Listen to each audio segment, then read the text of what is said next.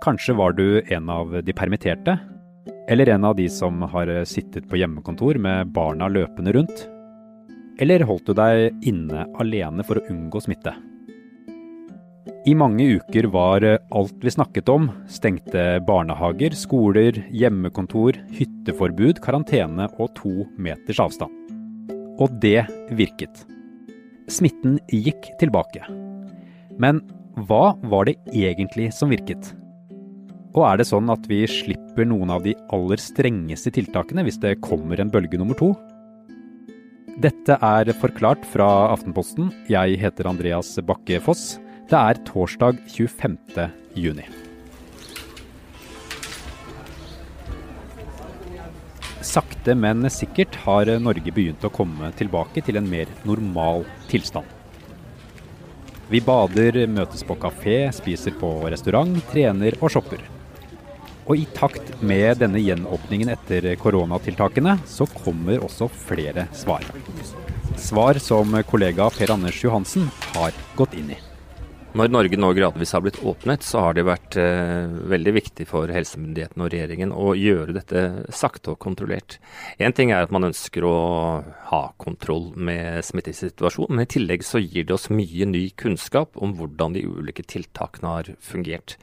For eh, da kan man faktisk eh, se på smittetallene én og to uker senere, og se om det hadde noen effekt når man hever tiltakene. I denne perioden som vi har foran oss, vil alle få en annerledes hverdag. I dag kommer regjeringen med de sterkeste og mest inngripende tiltakene vi har hatt i Norge i fredstid. Og med disse tiltakene klarte vi å bremse smitten drastisk. I går var 16 personer innlagt på norske sykehus med koronasmitte, mot godt over 300 i månedsskiftet mars-april.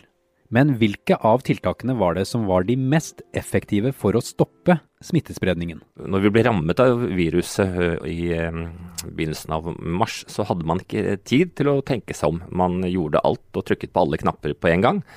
Og en av grunnene til at uh, folkehelsemyndighetene den gangen i Norge advarte mot å gjøre alt på en gang, var bl.a. det at hvis man ventet en uke uh, mellom tiltakene, eller to, så ville man kunne se hva som hadde effekt. Og uh, det er jo det man gjør nå.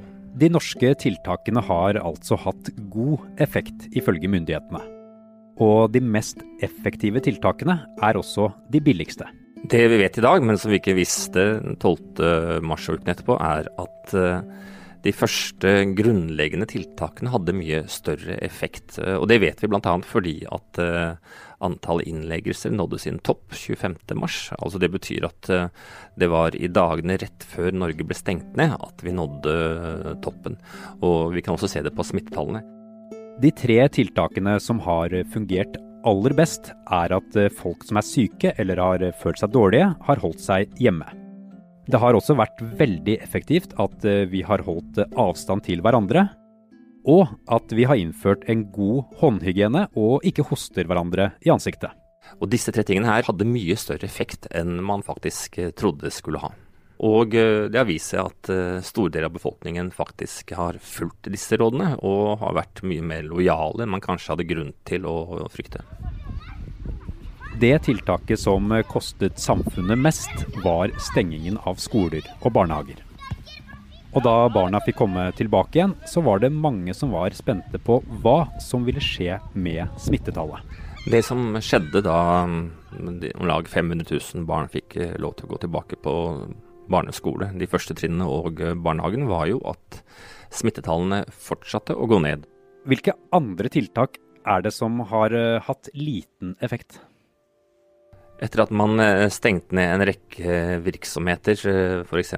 tannleger eh, og kiropraktorer, fysioterapi, psykologer, så har vi jo sett at når de igjen fikk åpne, så har heller ikke det gitt utslag i økt smitte. Vi kjenner ikke til et eneste tilfelle hvor det har vært spredd smitte på disse virksomhetene. Et annet tiltak som jo heller ikke har hatt noen effekt etter at man gjenåpnet, det har jo vært uh, hytteforbud, og at folk har begynt å reise på tvers av kommunegrensene. Uh, selv om nå mobiliteten, som man kaller det, altså som måles ved hjelp av våre mobiltelefoner, det har blitt uh, veldig høy og nærmer seg nivået før koronaviruset kom, så, så har ikke det i seg selv heller ført til økt smitte.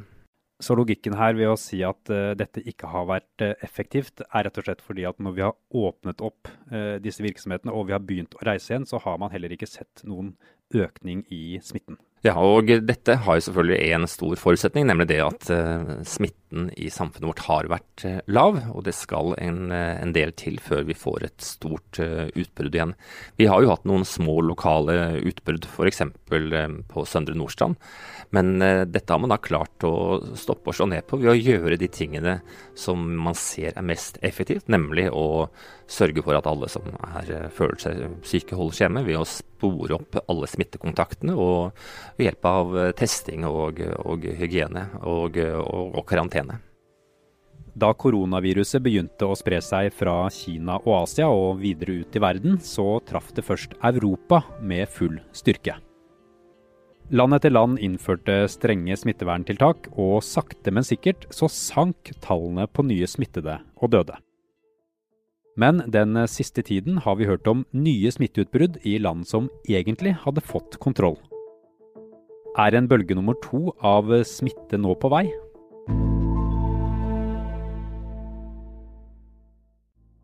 De siste ukene har vi hørt historier om smitteøkning flere steder i Europa.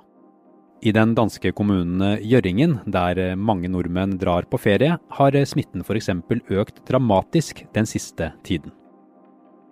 Det samme har skjedd flere steder i Tyskland. Der har enkelte boligblokker blitt isolert og sperret av fordi mange av beboerne er smittet. Det vi har sett i Tyskland er jo et lokalt utbrudd. Eh, I de over 400 distriktene i Tyskland eh, så er det altså bare fire distrikter som har fått da et veldig kraftig utbrudd. Eh, F.eks. av dette slakteridistriktet hvor altså 1500 ansatte ved én bedrift ble smittet. Men i Tyskland som sådan så er det ikke noen ny bølge. Dette er, dette er skal si, resten av bølge én. Og det samme har jo skjedd i Kina, hvor man fikk et lokalt utbrudd hvor omtrent 250 personer er konstatert smittet i Beijing. Og hvor da kineserne måtte igjen eh, trå til med lokale tiltak. Men det er da veldig interessant å se at både i Kina og i Tyskland, så har man nå lært av eh, denne første bølgen, og de har valgt å bruke en del andre tiltak. Man har isolert bydeler, man har satt inn eh, omfattende testing, karantene. Eh, og på den måten klart å bremse viruset. I Beijing snakker man allerede om at man tror at man har fått dette andre utbruddet som en del av den første bølgen kontroll, den, under kontroll. Den virkelige andre bølgen vil vi jo se til høsten, øh, frykter de aller fleste ekspertene. Hva betyr egentlig en bølge nummer to? Hva er det? En bølge nummer to er eh, en situasjon hvor eh, smitten i samfunnet etter hvert blir så stor at vi, at vi, mister kontrollen. En bølge nummer to regner man jo med vil komme et godt stykke ut på høsten, når, eh, når viruset kommer til å trives bedre, når influensaen kommer tilbake og det blir kaldere, og hvor man kanskje har slappet av for mye. La oss ta et tenkt eksempel. I september får vi en ny bølge med like høy smittespredning i Norge som den vi hadde i mars. Intensivavdelingene på sykehusene begynner å fylles opp, og dødstallene stiger. Hva vil vi gjøre annerledes da? Det første som kommer til å skje hvis eh, smitten begynner å øke i, eh, i, Norge igjen, er at man kommer til å innføre hjemmekontor. Man kommer til å låse ned helseinstitusjoner, noe som er svært viktig. Sørge for at man ikke får smitte på, blant de som er i risikogruppen. Og så vil man fortsette med disse tiltakene som går på hygiene og avstand og, og testing. Men dersom det oppstår enda mer smitte, altså hvor eh, man begynner å miste kontrollen, så er det neste tiltaket at man vil eh, unngå kollektivtrafikk. Det vil bli umulig å reise utenlands igjen. Man kommer til å skjerme risikogruppene enda mer. Og eh, en rekke skal si, ting som vi nå har fått tilbake, f.eks. det å gå på kafeer og restauranter, det kommer til å bli stengt ned igjen. Og noe av det første som vil bli stengt av skoler og, og utdanning, det vil være videregående og universiteter. Så det vil eh, fortsatt eh, bli veldig strengt eh, dersom det skulle komme en ny oppblomstring og en ny runde til høsten? Tiltakene kommer til å komme, og de vil komme raskt, men det vil komme gradvis.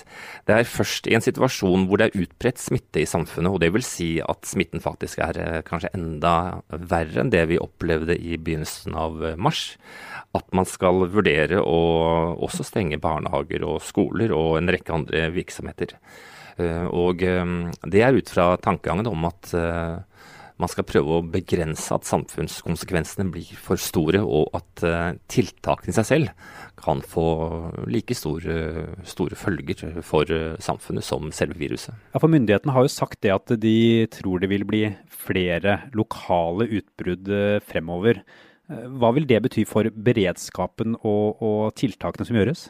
Det betyr jo at eh, det er svært viktig at de enkelte kommunene eh, raskt klarer å plukke opp eh, ny smitte. Og Det krever jo at man gjør testing, at man får meldinger fra fastleger, og at man har et apparat på gang som gjør at man kan drive en bedre og mer effektiv smittesporing enn det vi gjorde de første ukene i Norge. Vi vet jo i dag at om lag halvparten av alle smittetilfellene vi hadde da, klarte man aldri å spore. Og det var veldig mange som var syke på dette tidspunktet, som aldri ble testet. Og dette er ting som eh, vi må forhindre neste gang, for da kan vi klare å stoppe dette raskere, uten at vi må ta i bruk de aller eh, mest inngripende tiltakene. Den siste tiden så har vi fått smaken på friheten igjen. For noen helger siden så samlet jeg noen venner til middag på hytta i strålende sommervær. Vi var eh, seks-sju personer rundt bordet, og hytta den ligger i en annen kommune. Det er så mye med den fredagskvelden som ikke ville vært mulig for eh, bare kort tid siden. Så dersom en bølge nummer to kommer og vi må innføre strenge tiltak igjen, hvordan skal myndighetene få oss hjem fra hytta, inn i huset og med på nok en dugnad da? Norske myndigheter har jo en veldig stor fordel sammenlignet med mange andre land. og Det er jo at uh, i vårt samfunn har vi stor tillit, til våre politikere og til uh, våre fagfolk. Og selv om det har vært mye diskusjon og en del uenighet om f.eks. at myndighetene har valgt å bruke, gå mye saktere frem enn det det kanskje var grunnlag for smittevernfaglig når man nå hevet opp tiltakene. Men så lenge det er en sånn tillit i samfunnet, så tror jeg vi står veldig, veldig trygt. Og en, en veldig interessant side ved det norske samfunnet er jo at i befolkningen så viser jo meningsmålingene at uh, det er så mange av oss som fortsatt er redde, slik at myndighetene har hatt god støtte når de har holdt tilbake og opprettholdt tiltak lengre enn det f.eks. Folkehelseinstituttet har uh, ønsket. Og her skiller jo Norge seg en del fra andre land. Men er ikke det fint da, at vi gjør som vi får beskjed om? Ja, men på andre siden så er det klart at det trengs jo en, en debatt. Og et uh, demokratisk samfunn tåler også en diskusjon om tiltakene. For det vi kan være sikre på, er at i regjeringen, i eh, Folkeinstituttet og i Helsedirektoratet, så diskuteres det. Dette er jo grunnlaget for å ta de riktige, kvalifiserte beslutningene. Det er argumenter som veies opp og mot. og, og eh, det er ikke slik at eh, man sitter med en fasit i hånd her. Tvert imot så beveger vi oss fortsatt i ukjent terreng, og da må diskusjonen også være på plass. Det viktigste er jo at når tiltakene blir bestemt, er at de, at de faktisk settes ut i livet.